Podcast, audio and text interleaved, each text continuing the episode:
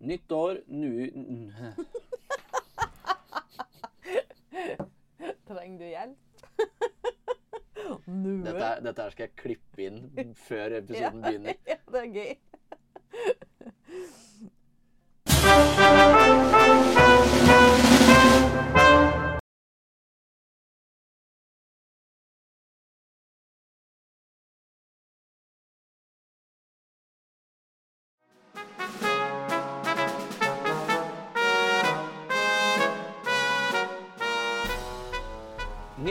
Nye muligheter og mest sannsynligvis mange nye nyheter òg. Men før vi skal eh, se på hvordan det nye året kan bli, så skal vi prate om året som har vært. Og til å tas, eh, ta, ta dere med på denne årskavalkaden 2022, så har jeg fått med meg eh, Se og Hørs hoffreporter Karoline Vagle. Velkommen. Tusen takk. Jeg heter Ole Jørgen Schulzrud Hansen, og ja, vi skal jo da gå gjennom det som har skjedd i den kongelige verden det siste året, og det har jo vært en hel del. Det kan man trygt si. Både av planlagte og ikke så planlagte ting. Ja. Det har vært eh, rett og slett litt rusk òg i år. Ja, en del. eh, Og eh, du har jobba mye med dette. Jeg kom inn sånn cirka halvveis. Ja. Jeg er jo så heldig å få gjøre det her dag ut og dag inn. Og spesielt den norske kongefamilien følger jo på stort sett det de gjør eh, av offisielle reiser både inn- og utland. Så eh, ja. Mye av det her har jeg faktisk fått lov å eh, hengt med på sjøl. Vi skal altså få førstehåndsberetninger om eh, året som har vært. Ja, noen sted. Ja, no, litt i alle fall. Ja. Men vi kan jo Vi begynner jo selvfølgelig der, eh, der 2022 begynte, det er jo med januar. Mm. Og da var jo dronning Margrethe feira 50 år på tronen 14. januar. Ja, men akkurat som når hun hadde bursdag, så ble det litt vanskelig. Fordi at det var korona. Jeg føler jo at nesten korona har Altså, jeg har nesten glemt hele opplegget. Men faktisk, i fjor i januar så var det fortsatt ganske mye restriksjoner. Sånn at eh, den feiringa ble jo i stor grad utsatt. Ja, og det så måtte den utsettes på nytt eh, litt seinere, men det kommer vi jo tilbake igjen til eh, når vi kommer, kommer til september.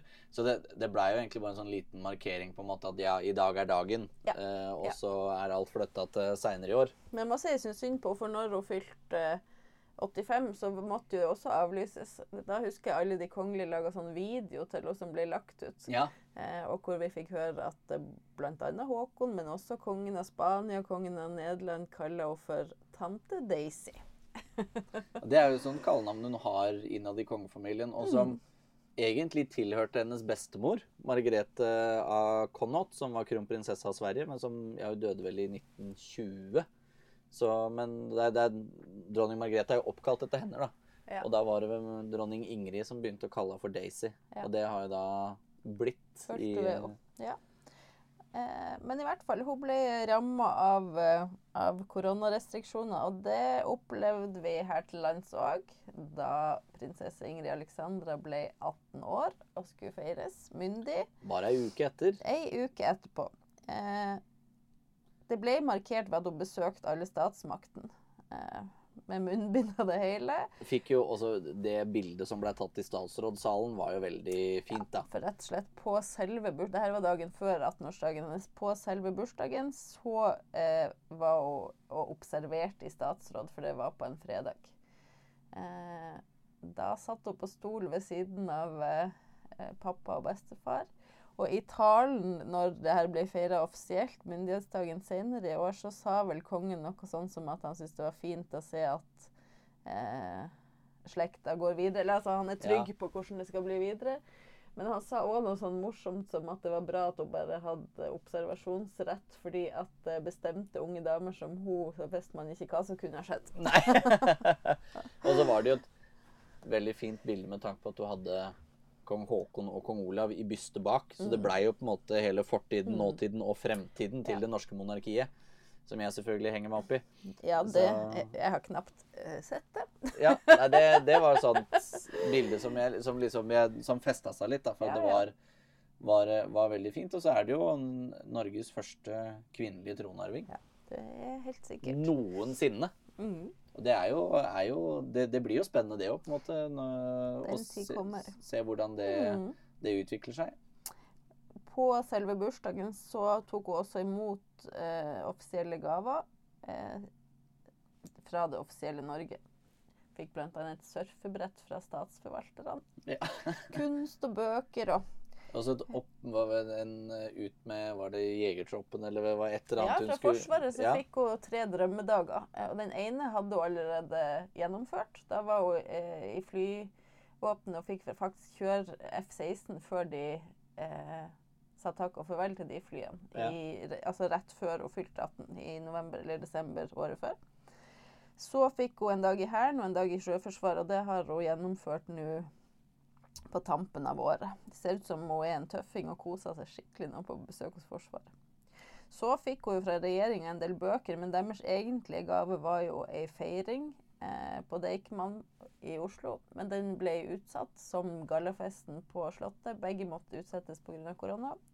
Det kommer vi tilbake til eh, innen vi kommer til juni. Men ble hun utnevnt til Storkors og St. Olavsorden den dagen? Ja, ja på selve dagen. Og så var det nok noe feiring på Slottet. Vi fikk bilder av henne sammen med eh, kongeparet, kronprinsparet, begge brødrene og mormor Marit Tjessem. Og så Med det som behørig meters avstand, selvfølgelig. Med behørig meters avstand. Og på alle de her så kom det òg en del offisielle bilder, og Ingrid Alexandra stiller opp til intervju for første gang både med NRK og VG. Så fikk vi jo bli mye bedre kjent med henne, for det har hun jo aldri gjort før. Eh, og hun fremsto jo utrolig reflektert og eh, morsom, syns jeg. Eh, Ja, altså ve Veldig sånn balansert til på en måte svaret sånn Nei, det kan, det kan jeg jo ikke si, for Ja. det blir jo feil, eller et eller, annet, et eller annet med hva hun foretrakk i en eller annen situasjon. Og så, nei, nei, det tror jeg blir for dumt å svare på, eller Og så ta, Nei, det ta det, det på det et var sånn regissert, men jeg syns hun, eh, hun var god og hadde masse humor i det. og de, Det ble jo ledd litt av det. Håkon tok det opp i et intervju i forbindelse med 18-årsdagen, at han og han var 18 år, var så utrolig sånn alvorlig og mutt. Ja, og det den- intervjuet som var med han, var helt sånn komisk, og det hadde Ingrid Alexandra sett på i, i forberedelsene til sin bursdag og bare på å lese i hjel for at faren var så blodseriøs. Det, det også talen han holdt til sin egen 18-årsdag, Ja, ja. og den gallen ja. på Akershus festning, var bare Den var så blodseriøs at du liksom trodde at her er det noen som Mens Ingrid virka til å ta det hele litt eh, eh, lettere, rett og slett. Ikke så alvorstynget, og det tror jeg er bra. Ja, det tror jeg òg. Når hun holdt tale på Slottet, så avslutta hun med en skål og tok glasset høyt opp Ja. og brøyt all etikette. I love it. ja. Nei, men eh, det var veldig morsomt, og mer moro ble det jo av den dagen eh, når den ble feira offisielt. Men Ja, og det skal vi prate mer om litt seinere i episoden. Ja. Men februar ble jo en måned for liksom de store jubileene og bursdagene, rett og slett. Mm. For eh, 6. februar så hadde dronning Elisabeth 2. regjert 70 år på tronen. Tenk det. Det er jo for mange et helt liv. Ja, Rett og slett. Altså, du vet at de fleste briter har aldri opplevd noe annet enn at det var akkurat hun som satt på tronen. Ja, det, og det, det, det bar jo preg av det og hele den jubileumsfeiringa. Eh, Den blei vel egentlig litt seinere, sånn på til liksom Ja, bursdagsfeiringa. Det blei jo i, i juni. Det er jo sånn at eh, monarken i Storbritannia i, i hvert fall har vært frem til nå at de eh, har to bursdagsfeiringer. De feirer privat egentlig den dagen de har bursdag, og så, og så feira de offisielt i juni. Og da tok de egentlig den der eh, 70 år på tronen samtidig som Ja, det har de pleid å gjøre, at disse Ja. jubileumsfeiringene ja, blir samme. Samtidig som den offisielle bursdagsfeiringa. Mm. Det er da vi fikk disse fine bildene fra denne eh, båt... Hva er det man skal kalle det? Ned, nede ved Themsen, da hun hadde regjert i, regjert i 60 år. Mm. Hvor eh, alle som sto på den båten, ble forkjøla etterpå. Holdt jeg på fordi det regna jo, og både prins Philip, prins Harry og prins William står litt sånn gynger litt av musikken bare for å prøve å holde varmen. Nei, utrolig. Men det som kom, eh, selv om all feiringa av 70 år på tronen var eh, på sommeren, så kom det jo eh, et skriv fra henne hvor hun sa at hun håpa når den tid kom, at Det sto jo mer, men at eh, Camilla skulle få dronningtittel. yes. Det var jo kall det første sånn OK, ligger det noe i gjerdet her? Ja, det En tenkte jo ikke over det da, på en måte, annet at det her er ei som bare forbereder seg Ja. på at er du 96, så veit du aldri. hun Altså, vi vet jo at hun har vært, helsa har vært litt skrøntende. så Hun var jo med på mindre og mindre. Ja. Og nå har det jo kommet frem eh, altså Når dødsattesten kom, så kom det jo frem at hun, det var alderdom. Men så seinere har det vært skrevet at hun sannsynligvis hadde beinkreft. Ja, det var et eller Eh, annet der. sånn at hun har nok visst at det gikk mot slutten òg. Ja. Men eh, Men det, en- noe skal han jo dø av en alder av 96 år, på en måte. ja, kjære vene. Selv om jeg gjerne skulle sett at du levde i hvert fall til var det 2024, for da hadde det blitt verdenshistoriens lengstregjerende monark. Ja. Men Jeg, har alltid, jeg trodde liksom hun skulle bli like gammel som mor si. Det hadde Jeg bare bestemt det. meg for. Så ja. Ja, Nei. det hadde ikke hun. Nei. Men så ble prinsesse Astrid 90 år 12. februar. Ja. Hun hadde jo en litt uheldig uheldig start på de 90, for hun ramlet jo og brakk lårhalsen, stakkar. ja, siden har hun sittet i rullestol, men jaggu står hun på og gir alt for Norge den dag i dag. Altså, hun var med senest nå i høst på stortingsmiddagen og ble trilla i rullestol av eh, nevøen kronprins Haakon. og eh, var nå i førjulstida på Dissimli sin julekonsert, som er en tradisjon hun eh, bruker. Og selv om hun satt i rullestol, like engasjert og blid og står på. Altså, det er jaggu imponerende, altså. Ja, hun er ikke sånn som bestefaren sin, kong Haakon, som sa det at nei, kan de ikke se meg oppreist, så skal de ikke se meg i det hele tatt. Nei, Nei det syns jeg er bra. Men der har hun visst. Hun har uh, flere ganger òg på gallamiddag stilt med sånn uh, Korsettaktig korsett. for å holde for å, for de, altså, sånn, Ryggen, vel, er det Ja. det det har vært? Ja. Så eh, Nei, imponerende. Ja, det er det. En eh, all honnør. All honnør. Og så eh, Det var 12. februar. Og så eh, litt senere, i februar den 21., så fylte hennes lillebror 90, nei, 85. yep. Altså kong Harald. Eh, da dro han til Mauritius med barn og barnebarn og svigerbarn. Eh, og Kunne jeg tenkt å gjort meg. Jeg har bursdag 14. februar, så det er litt sånn samme tida på året. Det... Jeg har 9. februar. Ja, det Så da drar Vi er i godt kongen, selskap. Ja. der var han Og det, altså når han ble 80, så dro han til Sør-Afrika med samme gjengen. Altså barn, barnebarn og svigerbarn. De Kongeparet er veldig flinke til å ta med hele gjengen på tur. Det er da de får skikkelig kvalitetstid sammen. Ja, de har vært på Svalbard sammen og masse Ja da, forskjellig. de, de, de er gode på det der. Men uh, Mauritius måtte rett og slett avbrytes. Uh, først kom kronprinsparet hjem, og så kom faktisk kongeparet etter hvert. da, For det var jo sånn at uh, krigen i Ukraina starta.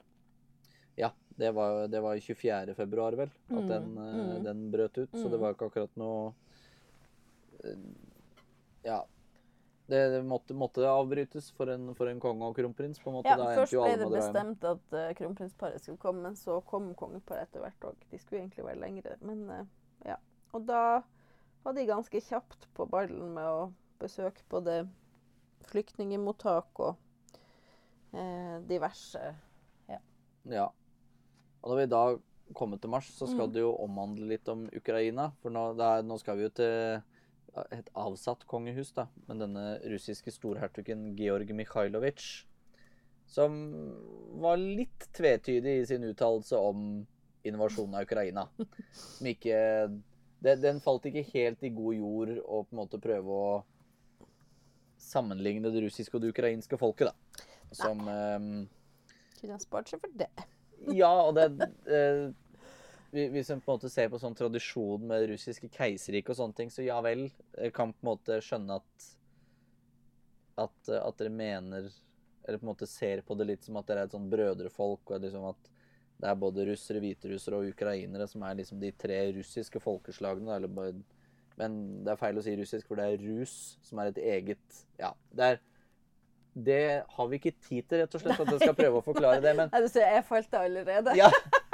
Men, men, men denne eh, uttalelsen falt jo veldig feil Ja med da, tanke på den, eh, den invasjonen som da hadde blitt gjennomført, og, som, og den krigen som fortsatt pågår. Ja. Så passa det seg rett og slett ikke. Men eh, Overhodet ikke. en vet jo, han hadde jo plutselig fått lov til å gifte seg i denne ene katedralen i, i St. Petersburg, så kanskje han har noen fot på innsiden av Kreml òg, hvem veit. Ikke sant? Det, eh, det her var i mars. Yes, det var mars. mars. Der var kongefamilien også, tradisjon tro, i Holmenkollen på Holmenkollsøndag. Da hadde Sonja selvfølgelig kledd seg i eh, De hadde grønne jakker, sånn, men hun hadde gult og blått eh, tilbehør for å på en måte vise sin støtte til Ukraina. Det er veldig typisk dronninga vår å bruke eh, klær og smykker som sånn symbolsk. Fint. Kong Harald var veldig blid da. Altså, Som han pleier å være. da. han- Det er noe han er jo en veldig blid type, og når han i tillegg får dra og se på sportsarrangement, da Ja, det er jo han, eh, Kongen har vel selv omtalt seg som en sportsidiot. Han har det. Han elsker det. Og dette her er en årelang tradisjon. Ja. Dette går jo tilbake til, til kong Haakon og dronning Maud de første åra de bodde i Norge. Mm. At de begynte med det her. Ingrid Alexandra har vært med siden hun først Altså, hun var bare Hun er født i januar og var med i mars, så hun var jo bare et par måneder eller noe. ja, det Og siden vært med. Sånn at det der er noe de eh, alltid stiller opp på. Skal tidlig krøkes for at en god krok skal bli, Sant. som det heter. Mhm. Og eh, kong Olav har jo selv hoppet eh, i den gamle Holmenkollen, eh, for å si det sånn. Da. Og hva, hva var det Tore Rem skrev i biografien om kong Olav? At han, han kom på det sosialdemokratiske fjerdeplass, som passet best for en konge. Ja. det er Og godt han prøvde jo forgjeves lenge å, å få invitert dronningmoren på, på Holmenkoll-hopp òg, men det ble aldri noe av. Nei. Eh, Kong Harald er jo eh, glad i å se på vintersport, men han har vel sagt noe sånn om at han ikke har føtter til å, å gå på ski sjøl, eh, og egentlig aldri hatt. Så han eh, liker seg jo best eh, i båten, og rett og slett seil har vært hans eh, sportsgren. Men han elsker fotball, vintersport, sommersport, det som er, og jeg tror det eh, tilbringes ganske mye tid foran TV-en òg, har eh, det blitt sagt. Fordi at han syns det er så gøy å se på sport. Men det er klart aller morsomst er det når de kan sitte på tribunen og heie frem eh, norske skiutøvere, sånn som her på, i Holmenkollen. Ja, så har det jo skapt noen minneverdige øyeblikk. Og sånn den klemmen han ga til Therese Johaug etter uh, 'Uendelig endelig Ja, og litt sånne ting. Det. bamseklem. Ja, det var, var det det var. Ja, veldig koselig. Em, så skal vi vel hoppe over til April, April? ja. Det er det som blir neste, neste måned, hvis jeg har kontroll på de. ja, Såpass bør vi klare. 21. april så fylte dronning Elisabeth 96. Ja, tenk på det. Det måte her ellers, så det, det er ikke så veldig mye annet å si enn akkurat det, for feiringa kommer jo ikke før Nei da, vi har allerede snakka om at det er bare privat. Den offisielle feiringa er senere på året. Ja. Men uh, hun ble 96. Vi trodde hun skulle bli 101 i hvert fall. Ja, Om ikke eh, mer. Det var siste bursdag, skulle de vise. Ja. Så ble årsrapporten til det norske kongehuset offentliggjort Ja. den måneden, og da så man jo det at eh, da mm, Det hadde jo vært litt eh, vært en del utgifter på forskjellige ting, og det meste var vel var på ut, eller utarbeiding av nye sånn sikkerhetsrutiner og på en måte et sikkerhetssystem. da. Og så selvfølgelig oppussingen av eh, Den hvite salong. Ja. Og den sto jo ferdig til i sommer. Som når man hadde vært på åpent slott, ja. Ja, og Mm. den var jo nydelig, rett og slett. Altså, du vet at det er skammelig nok, så kom ikke jeg med dit. Jeg skulle jo komme dit når du var der, og Ja. så rakk jeg det ikke, og så Ja, tida går. Det var, Sommerferie eh, og ja. Jeg tenkte på, hadde jo hørt og lest litt om Hvite salong og sånn, og så hadde vi disse prøveomvisningene og gikk gjennom, og det er sånn du kunne kjenne så på parketten at her er det ikke mange som har gått. Nei, Og så er det jo bare et gjennomgangsrom. på Det er det rareste. Før så var det jo et audiensværelse, Ja, ja. men uh, nå så er det bare gjennomgang. Staselig. Ja, det vil jeg jo si. Og så ble da prinsesse Isabella av Danmark konfirmert. Ja. en, uh, ja, det eldste av liksom de, de kvinnelige barnebarnene til, eh, til eh, dronning Margrethe. Eh, broren ble konfirmert året før, gjorde han ikke det? Jo. Eh, der var jo vårt kronprinspar fadra, men, men eh, pga. korona igjen, så var ikke de på feiringa. Alt vi har gått glipp av. Men nå er det heldigvis på normalt vis igjen. Eh, Isabella ble konfirmert i den her eh, eh, Holmen kirke, ble jo ikke det? Som Jo. er den eh, vanlige kirka som kongehuset i Danmark bruker.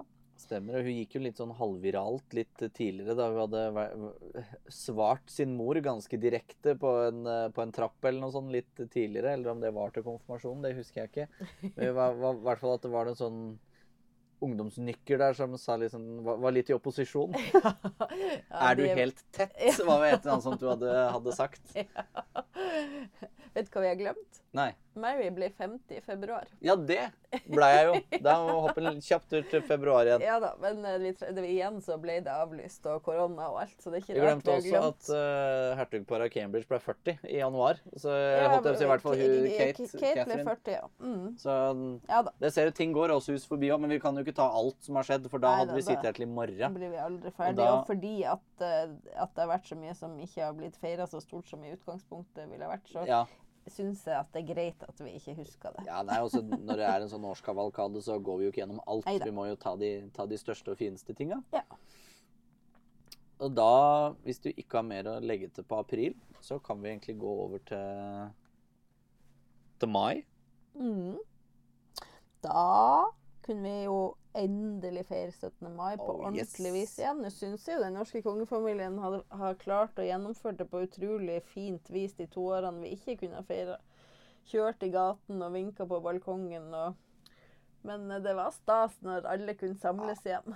Det var, eh, var veldig fint, og det er jo Det, det ble jo sagt at det var det, det lengste 17. mai-toget eh, noensinne.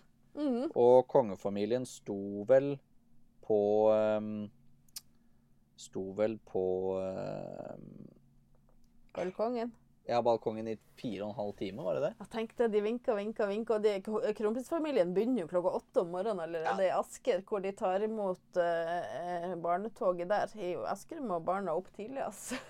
Ja, det er helt tydelig. Det er ikke noe, er ikke noe kjære mor, Nei. det, det der. Det der er en tradisjon som ble eh, innstifta i kong Olavs tid når han var kronprins. Og da ble han spurt, og da har han sagt ja, men da må det skje veldig tidlig, fordi vi skal på Slottet. Og på Slottet skal de vel begynne klokka om det er ti eller er elleve, eller ja. sånn i den, det Så det er jo bare eh, Ja, de starter klokka åtte, står i bunad med hundene sine vinker, og så er det bare hopp i eh, pendrakten og dressen, flosshatten, og dra til Slottet. Ja. Og så har de jo privat lunsj med familien på Slottet etterpå. De har vinka, vinka, vinka, vinka. vinka. Og da er det pølse annet på menyen. Og visstnok den som er mest glad i pølse, er kong Harald. ja. Ja. Det var vel, var vel også det som ble servert som nattmat i bryllupet til, eh, til eh, kronprinsparet vårt. Ja, Pølse i ja. brød. Så kan du se, se for seg sånn or ordener og tiaraer og alt. Litt sånn sennepsøl og det som er. ja. Det var eh, under eh, koronatid så fikk vi komme inn på Bygdøy kongsgård, hvor dronning Sonja fortalte litt om 17. mai-forberedelser. Og vi var på kjøkkenet der, og vi så at det var både is og pølse og alt som vanligvis er for små barn, i hvert fall på 17. mai. Og det var da hun sa at eh, kongen var nok vel så glad for menyen som, som barnebarnet. Så absolutt. Det er jo sagt, Kong Harald har sagt en gang at han var på, var på en tilstelning med noen noe venner 16. mai. Så idet han skulle dra, så ble han liksom innstendig bedt om å bli. For de hadde det så hyggelig og så gøy. Så snudde han seg og sa jeg kan ikke bli, for i motsetning til dere så har jeg arbeidsdag i morgen. ja. Er en annen ting som skjedde i mai, og som jeg var jo så heldig jeg fikk være med på, det var at man endelig kunne begynne å reise igjen. Og da var eh, Håkon og Mette-Marit, altså kronprinsparet vårt, på besøk i Sverige offisielt. Og eh, vertskapet var deres eh, veldig gode venner og kollegaer, kronprinsesse Victoria og prins Daniel. Det var litt Eh, godt å ha i gang offentlig besøk Ja, og litt sånt. Det At det skjer litt igjen. Det syns vi er stas. Så det var bra. De har jo også eh, Hvor langt er vi kommet egentlig? Vi er i april. Nei, vi, er, eh, vi har gått over til mai. mai. For vi snakka ikke om at de var på De var jo på Svalbard i um, det var den første, Da var det de endelig begynte å reise på ordentlig igjen. Det var liksom kronprinsparet. Det er jo sånn at kongeparet og kronprinsparet reiser på en årlig fylkestur hvert år. Eh, I år så var det ikke en fylkestur, men det var likevel kronprinsparet sin fylkestur, og da var de på Svalbard. Nydelig. Og det viste seg at de har et veldig tett forhold til Svalbard. De har vært der på privaten i en hel sommer med barna sine og bodd i ei sånn der eh, eh, kummerlig sånn. jakthytte. Ja. Ja. Eh, og Mette-Marit har liksom uttalt at hun har lyst til å flytte dit. Så de hadde, var veldig glad for å være på Svalbard. Svalbard. kan ikke vi være så snill å få en hertug av Svalbard etter hvert? da? Det hadde vært så gøy om vi begynte med, begynte med den Litt type sånn, ja. titler. Ja. Sånn ar Arveprinsen er alltid hertugen av Svalbard, og så har du, har du grevin, greven av Jan Mayen like etterpå. Det, jeg syns at vi skal gjeninnføre det. ja. Jeg vet ikke sånn Hvem blir da Hva blir det da?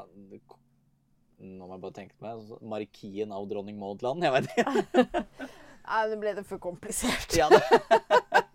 OK, men vi går tilbake til mai. Ja, eh, eller hvis du ikke har noe mer tilfelle, kan vi gå til juni òg. Ja. Og da begynner jo feiringer. Så det ljomer. Men først Den store feiringa er jo Ingrid Alexandra. Men vi hadde en forlovelse i det norske kongehuset. Oh yes! Og det var forlovelsen mellom prinsesse Märtha og Durek Verrett. Ja. Kom det som en bombe? Nei, ikke det, det, det, det på en måte, Nå har det jo vært litt fram og tilbake og hit og dit, men er det én ting de er, så er de jo glad i hverandre. Ja. Eh, Så Og det heier vi jo på. det gjør vi. Det kan snakke om hvor konservativ og kjip jeg er innimellom. Altså, men at akkurat kjærligheten, den heier jeg på så å si uansett. Det gjør jeg òg. Eh, og de to um, forlova seg i USA. Han skal ha spurt kongen og dronninga på forhånd om det var greit. Gjorde det på gammeldags riktig vis. Han hadde kjøpt en uh, gigantisk ring som bl.a. Eh, har smaragd i seg, som skal være fordi at eh, dronning Sonja er spesielt glad i smaragd. Så det er tre diamanter som symboliserer døtrene til Märtha. Veldig fin symbolikk. det er litt sånn egentlig typisk kongelig symbolikk Ja. med, fra, Men ringen, fra Durek. den, jeg vet ikke hva jeg skal si om den. Var den typisk kongelig? Den var litt sånn stor. Kanskje Ja, litt det- amerikansk. Ja, men, men nå skal den, den forlovelsesringen som hertuginne Catherine brukte, og den safir, Ja. den òg var ganske stor, egentlig. Ja, men den er liksom litt mer sånn klassisk. Ja, det er den. Den er Ja. det, det, det ble Smak mye symbolikk i en, i en eh, Ja, slik fin- liten ring, eh, men, men tanken bak og, ja, Ja. det var den. Og så er det jo alltid hyggelig når folk forlover seg. Og så betyr jo bare det at det blir et bryllup. Ja, og det gleder vi oss til. Og det har vi ikke peiling på verken når det blir, eller hvor det blir, eller noe som helst. Og det har de sagt at vi må smøre oss med tålmodighet. Men det må vel neste gang når vi snakker om hva som har skjedd i året som gikk. Ja, Tror du ikke det? jeg vil jo håpe det. Kan At, ikke eh, vente hele neste år uten òg. Vi får se. Nei, det Vi har ikke noe annet valg enn å se. Det er som, som kongen sa i en annen pressekonferanse vi skal prate om litt seinere, at eh, da får du høre med dem. Ja. For vi veit ingenting. Ikke så mange dagene etter forlovelsen så hadde Durek sin første offisielle opptreden som en del av den norske kongefamilie. For sånn er jo eh, reglene, eller hva jeg skal si, etikette, eh, at, at det ikke er lov før man er forlova. Men da kan man dukke opp. Så da dukka han opp som eh, Märthas pluss én i prinsesse Ingrid Alexandra sin offisielle myndighetsfeiring. Yes. Og da var det først på Deichman. Ja, da var det, det var regjeringens gave til prinsessa, og da var det eh, på det nye Deichman i Bjørvika i Oslo, som jo er et veldig eh, moderne, flott bygg. Eh, hvor det offisielle, altså den norske kongefamilien og det offisielle Norge var representert. Hva og en del eh, født samme år som hun. Det var Ja. plukka ut representanter fra hvert fylke som er like gammel som Ingrid Alexandra, som var gjester. Og så var det en del kulturelle innslag eh, og middag. Hva tenker du om eh, kritikken som ble liksom frems, fremsatt etterpå, om at det å det på Deichman og at stengte ned biblioteket Ja, det var samme reaksjon som jeg hadde, så det var fint. Da er vi i hvert fall ikke uenige der, da. Nei, men vær så snill, altså. Er Norges, Norges fremtidige Ja, dronning, altså, liksom. Ja, folk skal få biblioteket er gratis, og folk må få gå dit. Men vi har flere bibliotek i Oslo for den ene dagen. Nei, kjære vene. det synes jeg. Og så var det sånn, Jeg kan ikke være på Slottet, men det var jo ikke kongelig regi. Det var jo regjeringa som eh, eh, var vertskap den kvelden her. Nei, vet du hva, det syns jeg var smålig. Ja. Men bursdagsfeiringa på Slottet, det var jo også en Det var dagen etterpå, 17. juni. Det var gøy. Det var moro. Da kom det jo først noen offisielle fotografier av eh, prinsesse Ingrid Alexandra, vel? Ja, da hadde hun på seg Det var hennes eh, diademdebut. Yes. Det viste seg å være et diadem som prinsesse Ragnhild hadde arva fra sin bestemor, eh, Ingeborg av Sverige, og som eh, ble kjøpt på verdensutstillinga i 1901 Ja, eller noe- 18 1899. 1899. Av prins Carl. Ja. ehm, og som uh, Egentlig tilhørte, tilhørte prinsesse Ragnhild, og som Ja, for måte- det er ikke et som hun Ragnhild, for mye måtte hun har levert tilbake etter Ja. sin død. Eller ikke hun, men familien etter Ja. sin død. Men det her var fortsatt i hennes familie. Men barna hennes har bestemt at de vil gi det til Ingrid Alexandra fordi at de bruker jo rett og slett ikke diadem. Det var hyggelig. Jeg synes det var veldig fint og pass, som passelig det, hva jeg skal si, størrelse og alt på et sånn Ja, sånn, et, med noen sånne gedigne perler, var det vel det som var Ja, i, i perler og diamant. Jeg syns det, var- synes det var fint. Så det, og så hadde hun på seg, eh, som hun ofte har, klær fra mammaen sitt klesskap. Eh, det, har, det har hun nesten utelukkende hatt i alle offisielle sammenhenger, også i bursdagsfeiringa, bortsett fra når de var på Deichman. Da hadde hun ny kjole og eh, bestemor Sonja sitt sjal. Ellers bare Mette-Marit sine kjoler. Det er jo for å sette søkelys på, selv om hun har sagt det sjøl, gjenbruk. Eh, og Ja, så folk legger merke til det. det hun er veldig opptatt av eh, miljø. Og eh, klær er jo en versting i så måte. Så jeg syns det eh, viser at vi har ei reflektert og oppegående eh, prinsesse. Og så bar hun da storkorset av St. Olavsorden for første gang. Ja, som hun fikk eh, i januar hos bestefaren. Det er jo noe jeg syns er interessant og gøy. Ja. Og den bursdagsfeiringa så fikk hun jo en, en annen orden i gave av eh, Ja, kronprins elefant. Fredrik. Elefantorden hadde han med. Eh, Fredrik hadde det med fra Margrethe i Danmark. Og den ble overrakt i Den hvite salong. Det var i hvert fall der de viste bildene fra. Det var jo sånn at det var en del kongelige gjester. eh, Det var en hel haug. Det må jo ha vært den største samlingen av kongelige siden Altså på lenge, fordi at igjen tilbake til den der evinnelige koronamaset, eh, så er det jo lenge siden det har vært pomp og prakt, men det var det nå. Og det som jo var ekstra gøy, var jo at en del av de her unge tronarvingene som etter hvert skal overta, eh, var samla, og det ble tatt et fantastisk bilde eh, av Lise Aasrud, tror jeg, i NTB, hvor eh, Ingrid Alexandra var samla med eh, Katarina Amalie, som jo er kronprinsesse i Nederland. Og Elisabeth, som er kronprinsesse i Belgia. Og eh, prinsesse Estelle, som jo en gang skal overta tronen i Sverige. Dattera til Victoria. Og så han her lille Charles, eh, som jo er barnet til eh, Arvestorhertugen. i Luxembourg. Og som jo bare var to år og satt på en stol og ikke visste helt hvor han skulle gjøre av seg. Men det var eh, historisk bilde, rett og slett. Tatt Og et eh, blinkskudd, blinkskudd uten sidestykke. Veldig sjarmerende. Veldig. Og det var da kongelige fra Sverige, Danmark, Spania, Nederland, Luxembourg, Bulgaria og Hellas. Mm. Så det var det jo en sånn hel eh, haug.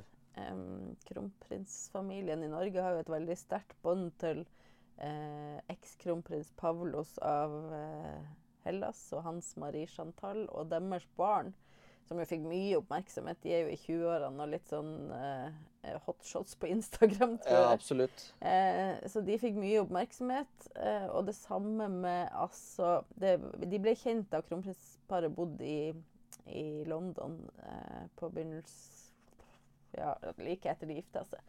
Eh, og, og der bodde også det som da var prinsesse Rosario av Bulgaria. Som var gift med da prins Kiril, sønnen Ja. til den siste kongen av Bulgaria. både Rosario og Kiril var faktisk her de er skilt. De hadde med seg to eller tre av barna sine. Og eh, hans nye kjæreste, som var veldig solbrent. Yes! Det var hun.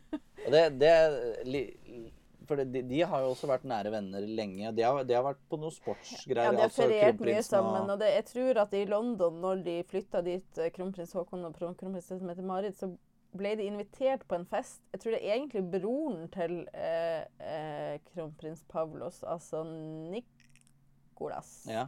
som inviterte fest, hvor alle de her folkene var. Og at det liksom ble deres vennegjeng i London. Eh, Og så er det jo og Marie Chantal er jo sånn venn, venn med Valentino, designeren og de her. Så det er det, liksom her Mette-Marit tror jeg har fått innpass i alt det her eh, Gwyneth Paltrow har vært på konsert med og ja, i det hele tatt. Den her, eh, og hun tidligere eh, Vogue-redaktøren som er død nå i Italia, Franca Sosa Jeg husker ikke. Så også, ja, alle det, det her er liksom en sånn, Den moteeliten som Mette-Marit eh, er ganske inne i, har hun nok blitt kjent med gjennom de folka her. Så de var naturlige gjester med barna, ganske mange av barna sine, begge de familiene. For de har rett og slett vokst opp med, med Marius og Ingrid Alexandra og Sverre Magnus. Ja, og så er jo eh, eh, Pavlos og Nicolas også da firmenningene Ja til, til kronprinsen. Så der finner du på en måte en sånn familiær kobling. Ja, man eller gjør det, og det gjør man jo stort sett. Men det, det er klart at noen treffer hverandre mer sånn vennskapelig enn andre. Og, det, og der vet vi jo at, eh, at eh, også de her tre skandinaviske eh, tronfølgerparene, eller hva vi skal si, er også veldig, veldig nære og gode venner. Eh, men så ser vi f.eks. En ting endrer seg òg. Eh, eh, Kong Filipe av Spania var jo i bursdagen Han er fadder på Ingrid Alexandra, så det var naturlig.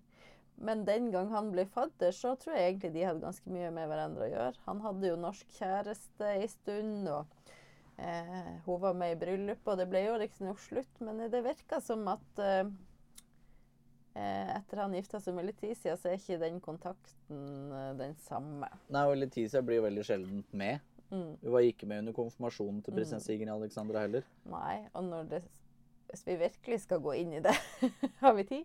Ja, det har vi alltid tid. Når du har det lure smilet der, Karoline, da har vi tid. Eh, Felipe sin mor, eh, dronning Sofia, er jo søstera til ekskong Konstantin av Hellas. Sånn at det er jo den, de greske og de spanske har jo tette relasjoner. Eh, så Filipe er søskenbarn eller fetteren til eh, Pavlo, som vi snakka om. På et eller annet tidspunkt så, eh, så det ut som at eh, spanske dronninga og hennes svi- eh, svigermor eh, Sofia ikke var så gode venner. De så ut som de nesten holdt på å begynne å slåss på ei kirketrapp en gang. Og da tvitra Marie Chantal, venninna til Mette-Marit, nå får de se hvem hun egentlig er om Letizia. Ja, Så, det er ikke helt så det er noe som ikke er helt, ja. Det er ganske spesielt. Altså apropos eh, som vi mange ganger snakka om, Ole Jørgen, det her med å ta ting ut i det offentlige. Ja, hvorfor Men nå tvitra det rett og slett, sånn at det er jo et eller annet som ikke stemmer. Men jeg har ikke peiling på Så er det jo disse ekskongelige kan jo prate litt uh, Ja tydeligere. Ja. De, jeg har jo ofte fundert på det at de, disse må jo ha en sånn egen sånn ekskongelig klubb, holdt jeg på å si, for disse kjenner jo hverandre alle sammen.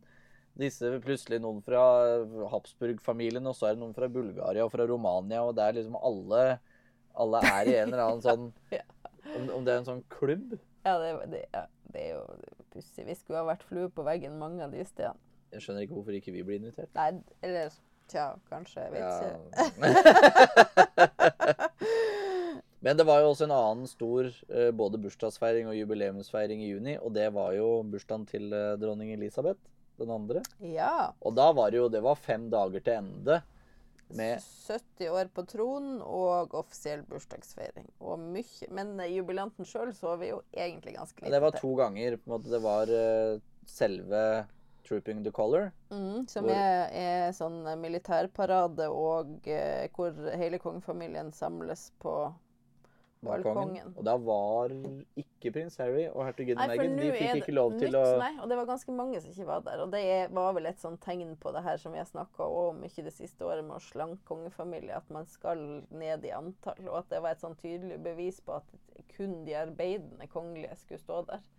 Og det er jo Tidligere så har det jo sett ut som balkongen skal ramle ned, for det har vært så mye folk der, men nå var de ganske få. Ja, det, det er på en måte, sikkert også en måte å hva skal man si, skåne Enten skåne eller sette på plass eh, prins Harry og hertuginne Meghan, samt unngå prins Andrew utpå der, da. Måte Ja da, det, men så har vel Charles for så vidt lenge vært Nå hadde han jo tatt, egentlig tatt Harry med i beregninga da, men han har vel lenge tenkt at, at han skulle justere ned den gjengen Absolutt. her. Så nå var det jo bare Ja, det var jo bare ja, hertugen av Gloucester, hertugen av Kent. ja, Det er de som, og... som er arbeidende kongelige, rett og slett. Ja. Eh, og så var det jo eh, Ja, så så vi dronninga når hun var i eh, teselskap med eh, Paddington. Paddington. Det var veldig søtt. Ja, nei, det, var, det er eh, Det er noen, et av de sånn søtere på en måte Du trodde du ikke kunne bli kulere etter å ha Ja. hoppa ut av helikopter Ja, under OL i James- 2012. James Bond, ja. Nei, det var gøy. Men da var det jo stor konsert utenfor Buckingham Palace. Det var eh, ja, en hel rekke arrangementer, rett og slett. Ja, det jo- feira de 70 år på tronen. Ja, den paraden i St. James' Square er jo ikke liten heller. Nei. Det er jo det er disse Er det fem garderegimenter som, eh, som eh, liksom bytter på å holde disse paradene, eller om det er alle fem som er med, det husker jeg ikke akkurat nå. Men da, da så vi jo Det var jo prins William, eh, prins Charles og prinsesse The Princess Royal, Anne, som mottok på en måte denne paraden på vegne av moren sin. Ja. Før da paraden gikk opp til Buckingham, og der sto jo alle på balkongen. Ja. Så det var virkelig, virkelig en fest. Og en sånn pageant, holdt jeg på å si, som ble holdt eh, den siste dagen, hvor også dronninga kom ut en tur igjen, da.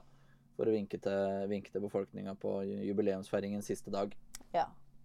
Og den som kanskje stjal showet de her dagene her, da, vi som har vært inne på de her småtrollene som kan se de mest sjarmerende, det var jo Kate og William sin yngste, Ja. Prins Louis. Han var eh, spesielt Altså, han var søt og sjarmerende på balkongen, men det var vel spesielt under denne konserten hvor han både syntes det var vanskelig å sitte i ro og hadde lyst til å danse og rocke og styre på. Eh, så det var det mye eh, skriverier om. Absolutt. Og nåværende kongen vant jo mye på det, han òg. For hvem var det gutten ville bort og sitte hos? Det var jo en eh, Ja, Charles den gang, da. Ja, det Så det er helt, helt, helt tydelig at det er det er et bestefarforhold der Ja. òg, på en måte. Da. Ja. Ikke bare sånn stivt og kaldt og kjedelig. Ja, det er bra, det. Selv om jeg, det er ikke lenge siden jeg hørte at uh, Williamson skulle ønske at det var mer. Men det er klart, de Jo, lever jo det- travelt, sånn ja. at det er ikke så lett. Men uh, ja, nei, det var absolutt eh, eh, fint å se, tenker jeg. Og disse andre i kongefamilien òg, som liksom endte opp med å Han eh, Tindal, som endte opp med Ja. å prøve å prøve å underholde Louis litt, og så han ikke løp av skaftene. Ja, han Og når vet å underholde han Tindel. Han er altså gift med kusina til William, enn Anne sin datter Sara. Men han er jo med på noe sånn reality. Ja. Ehm, eh, I'm a celebrity, get me out of here. Ja. Så det er jo sånn som går Er det fem dager i uka eller noe sånt i, i Storbritannia? Jeg har jo noen venninner i Skottland, for jeg studerte der. Og det er jo ikke mulig å prate med dem når det programmet går. Nei, nettopp. For da er de opptatt. Så men han hadde jo fått en hel haug med penger for det, da, så Men han er jo egentlig rugbyspiller, er det det? Det er det han er eh, Eh, Ja, er det rugby? Eller er det Ja, Det er noe i hvert sport i fall alle en fall. sånn sport. Ja. Mm. en sånn skikkelig mannemannsport. Nei, det har jo vært litt, det har vært litt styr rundt han, altså. Men eh, ja. Men, men. Men, men. Det Det, det går seg til. Ja. Det er godt at vi har noe å prate om. ja. Eh, så kan vi hoppe over til juli, kan vi ikke det? Eller er det noe mer eh, Jeg tror vi For da, eh, Dette her er et frampek, har ikke så veldig mye med kongelig å gjøre, men da erklærte Boris Johnson at han kom til å trekke seg som statsminister. Herre min hatt for et styr det har vært borte i England det Ja, siste året. katta. Altså både statsministre hit og dit og alle veier, og ny konge og feiring først Nei, altså, kjære vene. Og Mary og Hagen, Mar Mary og Hagen faktisk. Harry og Meghan oppå Ja. det hele. Mary og Hagen. Nå, nå skal det sies til våre at vi har dette er den tredje episoden vi spiller inn nå på Men det er ikke første gang jeg sier det. Det er tydeligvis en sånn Ja. Ja. Det, Det det bare er gøy. slår seg feil. Mary og Hagen. Mary og Hagen. skal begynne å kalle dem for det. Ja, Det er gøy. Det er som kodeord. ja men uh, det poeng var Boris. Ja, eh, som, det er jo bare et frampek til noe som kommer litt seinere. For da skulle det da velges en ny partileder og litt sånne ting. Og eh, det kommer jo i september, så vi får bare vente kommer til vi kom, kommer dit. Det som også skjedde, var at eh, vår alles kjære kong Harald seila VM altså i en alder av 85 år. Jeg syns det er altså så Holdt på å bli skikkelig nordnorsk, men det skal ikke bli. Veldig imponerende. Ja. jo, men, jo, men det er jo det, det Det er jo Ja, hva skal man si? Eh, nå kom jeg ikke på det ordet jeg tenkte på. Det er bare, det er bare veldig bra. Det er kjempebra. Det vi faktisk også har glemt, som var i juli, var jo at eh, dronning Sonja ble 85 år. Ja. Det feira hun først med å invitere Altså, hun dro til Helgelandskysten. Hun er, er jo Dronning Sonja er veldig glad i Nord-Norge, spesielt Nordland. Kan du skjønne? Eh, Men i hvert fall så var, dro til Helgelandskysten, hvor hun inviterte en del venner. Hadde med kongeskipet, som hun bruker å gjøre. Og de for rundt på tokt og så seg rundt. Blant annet Christian Ringnes og og han herre Sve også. Kunstinteresserte typer, gode venner. Ja, og så, på selve bursdagen, tror jeg det var, så ja, eh, Kong Harald var også der. Eh, så kom kronprinsfamilien og Märtha med døtrene. De på selve bursdagen tok hun med seg alle, bortsett fra Harald og Mette-Marit, inn på en sånn grottetur. Dama er 85 år og feirer med sånn grottetur hvor man må gå bøyd og trangt og komme ut og er skitten og kjempeglad for at det er jo det hun elsker. Hun er jo så sporty. Det er så imponerende.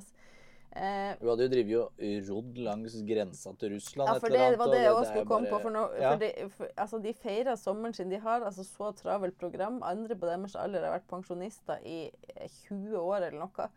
Eh, så når de endelig er fri, så seiler han VM. Han er på laksefiske. Hun inviterte til aktivitetsbursdag. Og når hun da avrunder sommeren med å dra til Finnmark og eh, padle og sykle og Det er jo Wow! Jeg tenker at alle har eh, Hvis man har mulighet til å holde seg aktiv både eh, med hodet og kroppen, så tror jeg at man eh,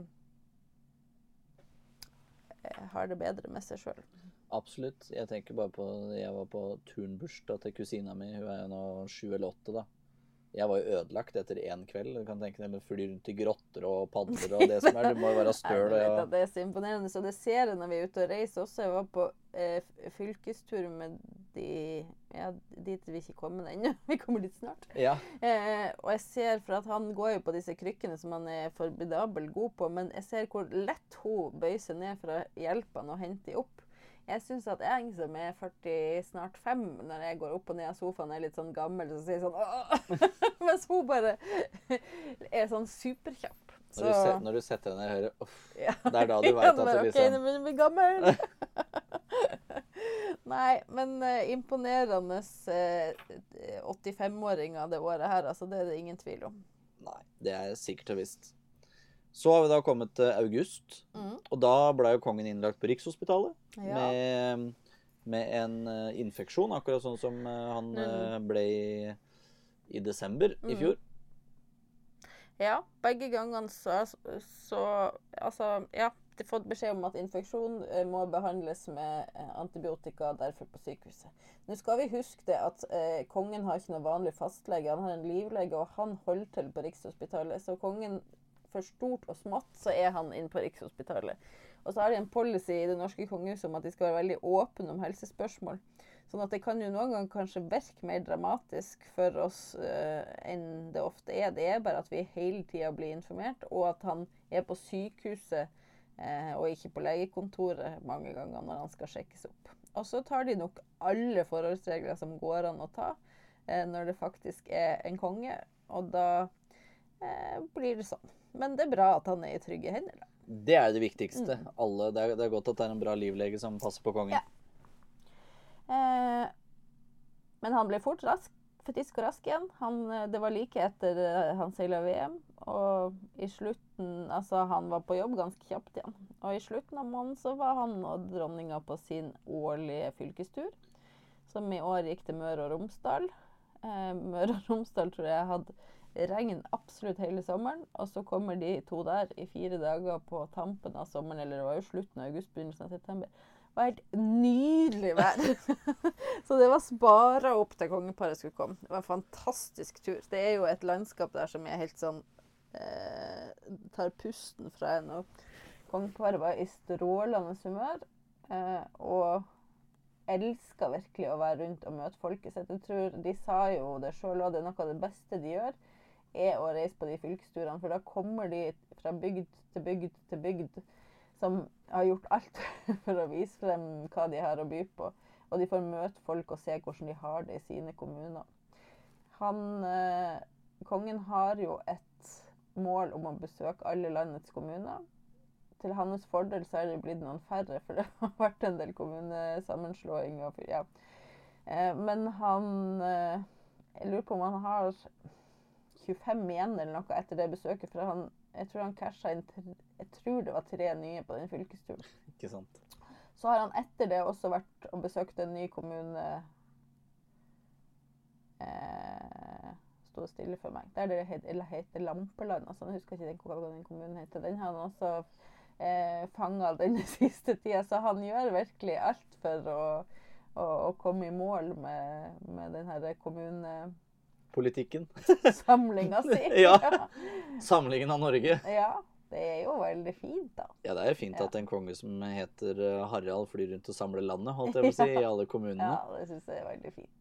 Og det var jo også på den turen at de for første gang hadde uttalte seg litt rundt eh, prinsesse Märtha og Durek. Ja, det var det. Det har jo vært stille lenge, eh, og det har vært mye kontroverser rundt de to. Ikke for at de har forlova seg og er glad i hverandre, for det håper jeg og tror at de fleste unner de, men, men, eh, men fordi at han jo, eller begge driver jo i en alternativ bransje og kommer med en del kontroversielle eh, standpunkter som uh, har blitt litt for meget for nordmenn. Ja, altså Det var vel akkurat rundt det at han hadde hatt korona. eh, Ja, og, og, Og han selger jo noen sånne medaljonger eh, for eh, et par tusen kroner på nettsida si. Det var vel disse han mente man kunne bruke mot korona istedenfor å få medisinsk behandling. Ja, du, Hadde, hadde det ikke vært for medaljongen, så måtte han ha hatt respirator og litt sånne ting.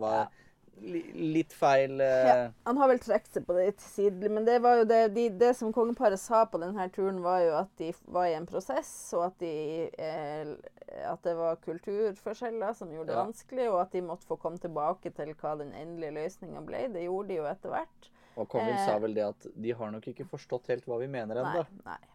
Og så sa han òg at eh, eh, Det presiserte han jo at for han var det norske helsevesenet veldig viktig, og det eh, la dronninga til at det har også Durek Verrett fått erfart. Ja. For Durek er jo faktisk, har jo en sykdom som gjør at han trenger medisinsk behandling. Så han har jo vært tydeligere på det i senere tid, at jeg hadde ikke klart meg uten med skolemedisiner heller. Så han mener jo få, han mener at vi ikke helt klarer å se at han at han bare mener at det er et supplement, det han driver med. da, At man har vært for ensretta på at han, at han liksom kimsa av skolemedisin. Men visstnok så det har vel litt mer med hva han gjør og sier i media, da. For han er Yes. ikke så han er ikke så verbal på at han er innom sykehuset titt og ofte for å få behandling. Nei.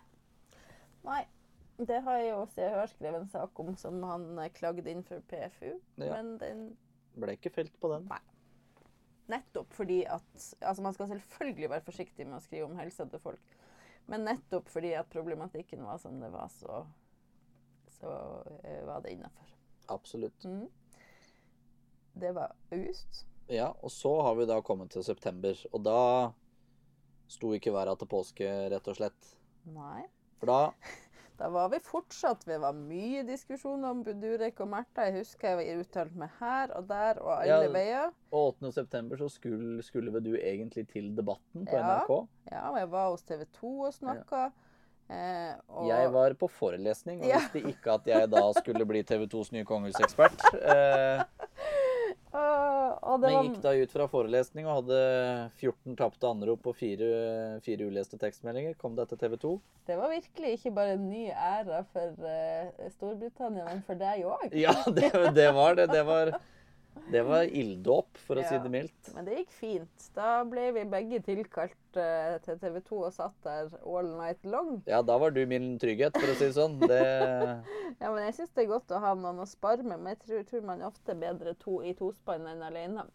ja, det hadde vært dritkjedelig om jeg hadde hatt denne årskavalkaden aleine nå, så Men i hvert fall så, så døde jo dronning Elisabeth. Eh, 8. september. mm.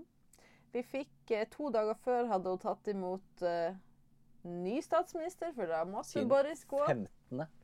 Ja. Uh, Liz Truss. Hun er ikke statsminister nå. Nei, hun holdt i seks uker og er vel Hva var det de hadde regna seg fram til? Den statsministeren som har brukt mest penger På noensinne. Herregud. Eh, ja. Det Sannelig har det vært kaos der borte. Men eh, og da så vi jo på bildene når hun tok imot. For vanligvis skulle jo dronninga vært i London da, men istedenfor kom både avtroppende og påtrådte statsminister til eh, Balmoral i Skottland, hvor hun var. Eh, som jo var et hint i seg sjøl om at ikke alt var som det skulle være. Så så vi bildet. Hun så jo veldig smilende og glad ut. Men det, var, det fikk oppmerksomhet at hun hadde sånne store Ja, sånn veneflonblå-merke nesten var sånn ja, det så på han, ut. altså, jeg, jeg husker jeg spurte en lege det her alvorlig. liksom, Det trenger ikke å være. Gamle folk har veldig lite underhudsfett og tynn hud, og det, ting vises fort på en måte. Hun kan ha fått et stikk eller Men eh, altså, hun var jo på det siste, så sannsynligvis Ja. Ja, si ja, men det var bare dagen, dagen etterpå, så var det sjukmeldt, kall det det. Eller måtte Ja. ta en dag å hvile Ja, på. Og så var det ved 11-12-tida, da, den, den 8. september, at den meldinga kom ut om at uh, legene var bekymra for helsetilstandene, så at uh, familien var på vei. Og da skjønte vi jo egentlig hvor det bar hen. Ja, men at det skulle gå så fort. Ja, du, en, på en måte sånn når når eldre mennesker på en måte sy synger på siste verset, da, så er det noen ganger det kan trekke ut. Ja. I jeg dager, på en måte. Av en eller annen grunn av informasjonen som kom, og mm, Ja, noe jeg BBC gikk jo i svart ganske raskt, så Eh, Og noe jeg hørte fra London, så var det liksom ja, Jeg vet ikke, jeg bare følte at det egentlig skulle skje. Og det Ja. gjorde jo det. Vi satt jo faktisk på direkten Ja, når vi fikk vi var, jeg så det jo like før eh, nyhetsankeret fikk det på øret. Fordi at Mm. jeg hadde hjemmesida til kongehuset oppe, og da Mm. hadde den gått i I svart. ja. Og eh, det var ganske surrealistisk å på en Mm. måte sitte der. Og så har det kommet fram etterpå at dronninga døde så tidlig som ti over tre, Mm, engelsk tid. mm. ja, det her var vel Halv åtte Ja. her i Norge. Så da var det da var altså, ja, som sagt, egentlig planen at jeg skulle på Debatten og snakke om eh, eh, Märtha og Durek. Det ble ikke det, altså For da, selv i Norge så kutta man sånne type ting. Da skjønner man liksom hvor eh, betydningsfull hun har vært. Når, når selv i Norge det vanlige programmet ikke, eh, ikke går som planlagt, da eh, dreide rett og slett alt seg om dødsfall. Og det var en enorm mediedekning. Og folk i sosiale medier og altså Ikke rart i Storbritannia, men, eh, men ekstremt her til lands også. Ja. Det var en helt, helt sånn surrealistisk situasjon og alt sammen. På en måte hun som alltid hadde vært der. Mm. Alltid. Og så var det liksom Man fikk se alle disse seremoniene man ikke hadde sett på 70 år. på en måte. Ja. Det jo var jo Jeg, tenkte på da jeg satt, og kommenterte um, utropningen av kong Charles. Mm. Det var sånn eh, det, Dette var sånn 1600-tallet opp av dage. Eh, Ja, det er jo noe liksom veldig gammeldags. Første liksom TV-bildene av det, da. Så Ja. det var eh, Veldig fascinerende. Ja, veldig. Mm. Og så hadde jo alle disse, disse tunge forflytningene av kista fra plass til plass, og det var hele Ja, situasjonen for hun var i Skottland på sommerstedet sitt da hun døde, og så skulle hun flyttes først til Edinburgh, og så skulle hun til London, og så skulle hun flyttes Og så kom hun til Buckingham Palace, og så skulle hun flyttes til eh, Westminster, Westminster Hall. Hall, og så til Westminster Abbey, sånn at Og deretter gjennom London til Windsor, sånn at det var eh, Vi kommenterte veldig mange sånne forflytninger. Ja, veldig mye. Og det var liksom, det var liksom om å snakke om ja, nå er det den skotske dronninga, nå er det den engelske dronninga, og nå er hun hjemme, og nå Det er jo utrolig mye eh, Man kan si pomp og prakt, selv om det er i begravelsessammenheng. Jo, men det er jo på en måte En begravelse på en måte er en like stor del av monarkens Ja, ja. liv som, Ja, som alt annet, på en måte. ja, sånn Dødsfall er nesten det største. Ja. Stygt å si. Nei, så det var Og da eh, var det jo var det 11-12 dager, og så var det begravelse. Og der var selvfølgelig eh, representanter fra alle kongehus og statsledere. Og, ja. Avsatte som Hvem eh, var der ikke? Ja, det hadde nesten vært lettere å Jeg hadde, men å, altså det var sånn, De kongelige ble liksom bussa inn i begravelsen. Den eneste som fikk kjøre egen bil, ja, Biden. Ja. Eh, for han kom Det blir så fascinerende. Så jeg, var, jeg var jo der, og så skulle jeg gå over veien i Hyde Park, og så ble jeg plutselig stoppa. Eh, det var dagen før begravelsen, for det skulle være sånn mottakelse på Buckingham Palace for alle gjestene. Og så kommer det bare en kortesje uten sidestykke, eh, og det er Joe Biden, som har med seg sånn type 14-20 biler. Og det vi, altså han har, den der bilen han sitter i, pluss en helt maken som skal være helt sånn sikker på alle mulige måter, det har han ikke. Den flyr de jo over fra Ja, USA. Beiste. Ja. Eh, så det syns jeg var helt sånn eh, wow-opplevelse å se at han eh, Det er godt han ikke prater høyt om miljøpolitikk. Altså Når du tar med deg beistene dine, to av sorten Ja, og det, jeg vet sånn, jeg tror én en, en av dem får plass i Air Force One. Ja, Og så må de ha Så var med 13 biler til der, liksom, som liksom skulle passe Nei, Gud, til det er. Altså så spesielt at det er Men det er klart, han er jo verdens mest utsatte mann, så det er vel Jo, men jeg tenker når hele Europas kongelighet kan ta bussen, så er det liksom Ja, det var et eller annet Det er liksom, Du kunne jo, Det var noe snålt med det hele. kunne Men, jo ført et mm, tronskifter i halve Europa, hadde du vært uheldig med denne bussen. Mm.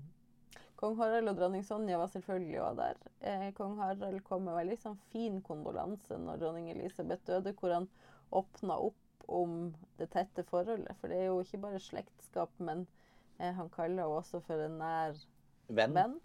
Eh, og han sa også at eh, de har Altså det båndet som er fordi at eh, Dronning Maud var jo fra England. Ja. Eh, og sånn at kong Olav har jo på mange måter vokst opp med den familien der. Og det båndet har man liksom ført videre helt til Og han skrev helt Det sto på kongehuset sine nettsider. De var mer, eh, skrev mer enn de bruker å gjøre. Eh, at de, det her har de på, på en måte eh, ført videre fra generasjon til generasjon, helt til Ingrid Alexandra og George, skrev de. Så da lurer jeg på, har de møttes? For at det vet vi egentlig ikke. Nei, men det må jo være helt, helt tydelig, det, Ja, egentlig. altså. så lurte jeg på Ja, nei, jeg vet ikke. Jeg har prøvd å tenke, kunne de hatt han med seg? Når var det Kate og Det var ikke Kate og William var jo her Ja, jeg vet ikke. Men i hvert fall så har, har de møttes. Eh, og vi, som vi har snakka om tidligere, så er de jo eh, gode venner med Charles og, og Camilla. Altså, og, det, det som jeg nesten ble mest overraska over, var hvor raskt han var ute. Det var Mm. helt tydelig at de hadde fått Ja, ja. beskjed mm, på forhånd. For Mm. du så både eh, danske kongehuset og det svenske kongehuset Mm. var mye seinere ute med, med Det, kondolansen. er klart, det er jo tette familiebånd og, og, og eh, også nære vennskapsbånd. Mm. Og det tror jeg eh, Ja, han hadde det til Elisabeth, men han har det også til eh, den nye kongen Ja. Charles. Camilla og dronning Sonja hadde jo ei felles norsk venninne som heter Ast... eh, Nei, hva heter hun? Kjersti Døvigen. Hun var gift med Astrup, som var skuespiller, og som bodde i London og eh, hadde vært nabo med Camilla før hun gifta seg med Charles. så, så ble de veldig gode venner, og hun er også venninne med Sonja. Så der er det en eller annen slags sånn Ja, noen link. felles Ja. Ja. Så de eh, Jeg tror de på et slags vis kan kalles omgangsvenner. ja det, om, man, om man kan si det om kongelig, så er, det, er de det Ja, men nærmeste noen det går an. Altså, Ja, før jul hvert år så drar jo uh, Sonja og Harald, kongeparet vårt, til London, og da er de på privat besøk eh, hos Charles og Camilla. Tidligere også hos dronning Elisabeth. Det var jo så Det kan vi jo prate om også. Eller kan komme en anekdote som kong Harald hadde om, eh, hadde om dronning Elisabeth når vi prater om stortingsmiddagen etterpå. Mm. Men eh, en annen ting da, som ble litt nedtona grunna dødsfallet til dronning Elisabeth, var jo 50-årsfeiringa til dronning Margrethe. Stakkars dronning Margrethe. Nå har vi snakka om eh, at feiringa måtte utsettes pga. korona. Vi snakka om når hun her et annet år ble eh, 85 under korona og måtte utsette den feiringa. Eh, og så skal hun endelig feires. Da er det det eh, eh, svenske og norske kongeparet er de kongelige gjestene som er, pluss selvfølgelig den danske kongefamilien og det offisielle Danmark og tjo og hei. Men så dør dronning Elisabeth, og det, man lurte jo på om det kanskje kom til å bli avlyst. Eh, men det ble eh, Hva skal man si? Eh, Ble nedtona, og de, og de nevnte litt om det. ja, og, og, og den siste delen av feiringa var faktisk eh, enda seinere i høst. Ikke for så lenge siden. Ja, 15. november Ja. var vel den siste delen. eh, ved- som de kutta ut da. Sånn at det var Ja. Det var feiring, men ikke fullt så mye pomp og prakt kanskje som egentlig planlagt. Men eh, det det, var en festkonsert og en gallamiddag og lunsj på Dannebrog, som er det danske kongeskipet, og ja, hun ble feira. Ja, det ble jeg. Eh, Jeg spurte kongeparet om den feiringa på på fylkesturen, som jo var ikke så lenge før. Og da sa de Hva var det kongen sa? At eh, dronning Margrethe kjente Norge bedre enn de fleste nordmenn. Fordi at hun har vært så mye på tur med dronning Sonja rundt omkring i landet. Mm. Skal ha gått seg bort på skitur sammen med dronning Sonja, Ja. og det God og tett relasjon. absolutt. Mm. Så har vi da kommet til oktober. Ja. Og da, det var ved 3. oktober, så var den høytidelige åpningen av Stortinget. ja. Tradisjon tro. Tradisjon tro, det Ja, det var den pumpen og prakten som pleier å være, bortsett fra at jeg hadde klart å sette feil heraldiske kroner på stolen til kronprinsen og dronninga. Så kronprinsen satt på dronningas stol og dronninga på kronprinsens. Som i seg selv er en sånn morsom forveksling for folk Ja. som ikke kan heraldikk. Ja. Men, eh, men ellers gikk jo det knirkefritt som det pleier. De hadde på seg ordner og så fine ut. Det gjorde det. Og så da mot Det var vel nærmere slutten av oktober, så var det da stortingsmiddag på Slottet. Ja, det er alltid et høydepunkt. for de folkevalgte. Da er eh, stortingspolitikerne der, regjeringa der og representanter for eh, det offisielle Norge. Ja, Høyesterett og Ja.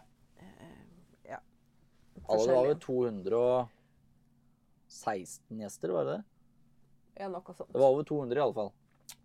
Som vanlig fikk de eh, elg fra Sikkelsdalen. Det serveres ofte kortreist mat, og gjerne så kortreist som at det da er skutt på, i Sikkilstrand, hvor kongeparet har uh, hytte, av kongen sitt jaktlag. Han er vel tvilsomt med det lenger sjøl. Eh, og så er det eh, gjerne grønnsaker fra bygda kongsgård, fra Slottshagen. Opptatt av det. Og så med det store høydepunktet på stortingsmiddagen er jo alltid kongen sin tale, fordi at han eh, Han bruker jo humor alltid i sitt virke, men da er det liksom forventa at han skal slå til, og han gjorde det i år som alle andre år. Eh, og eh, strøm har jo vært et tema eh, her til lands og i resten av Europa eh, i det siste, og han kom inn på det. Og hva var det han sa? At de på Slottet så på mulighetene for å bruke overskuddsenergien til dronning Sonja og legge den i kabler. Altså det, Noe av det første sa, jeg beklager den dunkle belysningen, men det er litt uh... Nei, så det veldig morsomt. Og litt, også på en måte, han, det er jo en sånn eh, humoristisk kritikk av litt ting som gjerne kan ta, sånn som at det hadde vært så mye skriverier om denne kantina på Stortinget. Ja, ja. Hvor kongen sa det at dere er jo ikke så glad i å ha oss fra kongefamilien på Stortinget, men det kan jo kunne at vi begynner å renne dørene hos deres etter, dere, eh, renne, Etter å ha renne dørene deres etter å ha hørt om den kantina. Åh, nei, han Men så samtidig så er han jo For det er det han er så god på. Han er morsom, men han kommer inn på alvor. Han kom inn på eh, den skytinga som var utenfor London pub i juni. Han kom inn på eh, det med jødene. Snakka om minoriteter, hvor viktig det er at vi som fellesskap eh, står sammen og støtter minoritetene. Og det der er han altså så formidabel god på.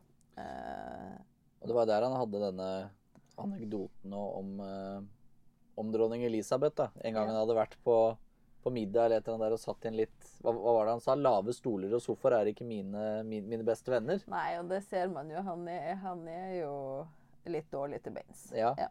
Og da han hadde slitt med å komme seg opp på den, så hadde lille dronning Elisabeth kommet bort og spurt eh, trenger du hjelp, Harald.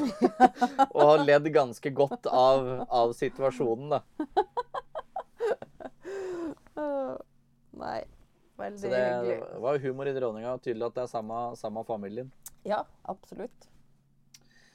Har du mer tilføye på oktober? Dronninga var en liten tur i eh, USA, tror jeg. Eller var det kanskje i november? Det er muligens at det var i november. Men det var vel kanskje i oktober at uh, dronning Margrethe Nei, ble oktober. gitt uh, Ja, det var i oktober, Mm. ja. Den uh, amerikareisen. ja, altså, ja, hun var i, eh, i hva jeg skal si, på norgesbesøk i USA, på, på rett og slett i de der statene hvor man har Eller i Minnesota, var, og hvor det er veldig mye folk med norsk eh, eh, arv. ja. eh, etter utvandringa. Eh, og, ja, og Margrethe var også her. Jeg tror det òg var i oktober, eh, hvor hun fikk pris for ja, språkpris var det hun fikk. ja. Ja. Og den ble overgitt av dronning Sonja. Ja, fra Foreningen Norden. Mm. Men da, november. Og da ble det plutselig litt jobb på oss igjen da òg. Mhm. For da kom jo Først, tidlig i november, så kom jo meldingen om at eh, Barna til prins Joakim av Danmark fra nyttår av skal tiltales som grever og grevinner Yes. av Montpezat. Ja, det er jo altså eh, deres bestefar, prins Henrik, var jo fra eh, Frankrike. Så det Hadde en sånn gammel adelstittel Ja. som greve av Montpezat. Ja. Um, Ja, og det viste seg jo at uh, det kom uh, i pressemelding før Margrethe hadde huska på informert i det gjaldt, virka det som. Ja, vi fikk, tre, vi fikk tre dagers varsel, og det var det. Ja, sånn at de var jo ganske både den ene og den andre i familien eh, til prins Joakim. Både han og kona og ekskona og sønnen, og alle uttalte seg jo rett og slett ganske hardt i media. Det var, det var mye prins Henrik i de uttalelsene der, var, var det første jeg tenkte på. Det her er det Det er sin fars sønn som prater. ja. ja. Nei, fornærma var de. Men uh, hun kom jo faktisk med en uh, offisiell beklagelse. Det er ganske sjelden. Så, hun- ja. så får vi se hvor, uh, hvor det bærer henne med den familien. Men uh, nå flytta jo de til USA, Joakim og de yngste barna og Marie. Og uh, de kom jo i, uh, i den siste delen av feiringa til Margrethe nå noen uker etterpå. Men, men jeg har en følelse av at det ikke er helt forsoning ennå. Ikke helt ennå. Altså, jeg så nå var en dansk kanal som hadde fått gjort et sånt langt intervju med Åh, Hva er det han Er det Nikolai han eldste heter? Mm. Han som er modell og litt sånn. Mm. Og det, har de, det skulle de egentlig sende etter nyttår, men da er den ikke prins lenger, så nå sender de det i desember istedenfor. Så, og og det, det er jo rart for oss på en måte liksom at de reagerer sånn, men, men en skal huske på at i Danmark så er det et mye større adelssystem Ja, av måte Ja. familieslekter og hertuger og Ja, så markier skal og det man som er. også huske at det er en del av identiteten deres. Det er det- Altså både eh, Nikolai og Felix er jo voksen, sånn at det er jo det de har vokst opp med. Og plutselig skal man hete noe helt annet. Plutselig tar noen fra deg halve navnet ditt, liksom. Eller altså Ja. Eh, sånn at man, en viss forståelse kan man jo kanskje vise for det. Og, så jeg tror nok altså Kong Harald ga jo ikke Märtha sine barn titler når de ble født. Jeg tror det var lurere enn det som Margrethe gjorde, å ta de liksom mange mange år etterpå. Det er bedre å starte uten enn å få det først, og så bli tatt det fra. Så der, eh, selv om de er gode venner, så har de tydeligvis ikke snakka Han burde rådført seg med kong Harald, da, vet du. ja, det, vi kommer veldig ofte tilbake ja, igjen til det. det. At det er, de, følger, de følger det gode, gode eksempel. Ja, ja. Men det blei jo litt eh, ståhei her i Norge òg. ja da, det var jo titler fortsatt som uh, Dette, som bortsett, hvis du ser bort ifra det at dronning Elisabeth har gått bort, så må jo dette bli tittelbråkets år. Ja, i aller høyeste grad. Det var jo, det jo det her Dette kommer vi tilbake til, den der uh, runddansen som har vært rundt uh, Märtha og Durek, og det som kongen hadde sagt han skulle komme tilbake til. Uh, kronprinsen har jo også uttalt seg i forkant. Eh, og for så vidt gitt oss et hint om at det ikke så ut til at de kom til å ta fra henne prinsessetittelen. Som jeg for så vidt syns er greit. Er man datter av kongen, så er man prinsesse. Ja, for det, ikke det er jeg enig i, og sånn, sånn er det bare. Eh, men hun skal altså ikke representere kongehuset lenger. Eh, det kom masse informasjon rundt det, veldig detaljert, om hvordan hun Ja, og Durek kan bruke Instagram, og hvordan de ikke kan bruke det. og hvordan, altså Det var voldsomt Der hadde de gjort en god jobb, så jeg skjønner at det har tatt tid. Og etterpå så lot eh, kongeparet seg intervjue, og da fortalte jo dronning Sonja at her hadde de virkelig eh, hatt opp plansjer og tegna og skrevet og jobba på hele familien. Eh, men det som var viktig for kongeparet å si, at sånn må det være, for vi er ikke helt enige om alt. Men eh, familierelasjonen er viktig for oss, derfor har det tatt tid. Vi må finne noe som alle kan leve med. Og de sier at familien eh, kommer styrka ut av det som familie. Og det syns jeg jo er fint oppi det hele. De også, som jeg syns var fint, var at de sa at de er lei seg for at Märtha ikke skal representere lenger, for at hun har gjort en veldig god jobb. Hun er dødsgod med folk. Eh, men sånn må det være akkurat nå. Eh, veldig sånn Det var et veldig personlig kongepar. Ja. Nesten mer personlig enn det man er vant til å se dem òg. mm, Og jeg syns det, det, det er så fint når du får de veldig menneskelige sidene frem. mm. Sånn når, når var Jeg husker ikke hvem det var, om det var fra NRK eller Dagbladet, noen som spurte ja, blir det noe mer jobb på prinsesse Ingrid Alexandra. Nei. Nei, og kongen Ja, kongen blir kontant Nei, det var jo nesten litt sånn ja. Og så sier dronninga 'Å, der ser vi bestefaren'. Ja, for det er de opptatt av. Det snakker vi for så vidt ikke om når vi snakker om Ingrid Alexandra som var blitt 18, men det å bli myndig som prinsesse er jo ikke Ja, hun er myndig, men hun, rollen hennes har jo ikke endra seg. For både besteforeldrene og foreldrene tror jeg det er veldig viktig at hun skal få være Ingrid så lenge som mulig. Eh, og få lov å være student og skoleelev og alt det her. Og så ikke tre inn i det offentlige før hun på en måte egentlig må. Den gangen kongen går bort og hun eh, er sin fars stedsfortreder og alt det her. Ja, så er det vel sånn Hvis man sammenligner med, med kronprinsen, så har det vel vært liksom gjerne etter bryllupet, på en måte etter mm, ekteskap, at, Ja. at man på en måte Ja. har gått veldig inn i den rollen Ja, som ja, for han var jo faktisk kronprins når, når eh, bestefaren døde. Eller ja, han Han var jo kronprins allerede da han Ja. blei myndig. Så um, uh, ja. Det er litt annerledes. Men uh, han bestefar han er veldig opptatt av at hun skal få lov å være i fred. Hun har fint, fint, det. Ja, det må vi, må vi jo si at, at vi kan være, stå og være enig i. Ja. Og så har vi jo kommet da til fjorårets siste måned, Desember? desember. Og vi har jo prata masse om Harry og Meghan-dokumentaren, så vi trenger jo ikke Nei, det har vi snakka om før, og vi skal Ja. snakke om det etterpå. Ja, det, vi har gjort det så mye, og nei, det kommer sikkert til å prate masse om det neste år òg, Ja, eller, eller i året som det er nå, da. Det, for dere som ikke har skjønt det, så spiller vi det inn mens det fortsatt er 2022. Så vi blander litt fortsatt i fjor og i år og det som er. Eh, Men eh, kong Harald ble jo igjen innlagt på Rikshospitalet. Det var da 19. desember. Ja. eh, Eh, uten egentlig sånn selv, selv om det alltid blir frem på en måte du, hva, hva skal, kommunisert som veldig dramatisk, så er det jo ikke det. Nei da, og det sto jo at han var stabil og alt, det var ikke dramatisk. Men det er nå noe med når eldre folk blir syke, og jeg tror jo folk Ja, det setter en støkk i folk. Men eh, eh, han eh, er nok i de beste hender når han er der. Og eh, faktisk mens vi Ja. Mens vi snakka, så skjønte vi at han er på bedringens vei.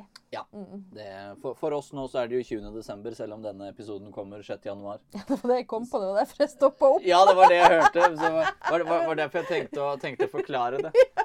Men meldingen kom jo ganske raskt om at, om at uh, kongen kommer seg hjem til jul. Ja, og det er vi jo selvfølgelig alle glad for. Det er vi. Så får vi se da om, eh, om det blir noe Kan jo plutselig hende at det blir noen nye nyheter innen de elleve dagene før året er omme, men da får det bli en ekstra episode i så fall. Yes. Vi spiller ikke, ut inn, spiller ikke inn en ny årskavalkade, gjør vi det? Nei, da får vi heller kutte ut den siste eh, delen Ja. eller noe. Du ser er så god teknisk, du kan vel bare klippe og lime? Jeg er historiker, jeg er ikke tekniker. Hva er, eh, hva er det du gleder deg mest til med det nye året? I disse Du, kongeliges det, er jo, eh, det er jo en hel episode i seg sjøl, for det er jo rett og slett ganske mye som skjer i den kongelige verden òg. Vi har jo et kronprinspar som blir eh, 50 år begge to til sommeren. Det håper jeg blir eh, storslått og fint. Det gjør jeg jo. Og så har vi jo en konge borte i Sverige som eh, feirer 50 år på tronen. Eh, så Det er jo Memoarene til prins Harry kom jo tidlig i januar. Ja, det kan vi jo bare glede oss til med en gang. Sånn at det, vi skal ikke bli arbeidsledige i år heller, tror jeg, Ole Jørgen. Nei, jeg håper ikke det. Vi kommer nok til å se hverandre ganske mye. Så det er om å, ikke, om å ikke bli lei helt enda. Men eh, det jeg gleder meg mest til, er jo de tingene som ikke står på en kalender. Ja da. Det er jo ofte det artigste. Ja. Ja. Takk for innspillingen denne årskavalkaden. Godt nyttår til våre lyttere. Godt Og- nyttår. Vi lyttes.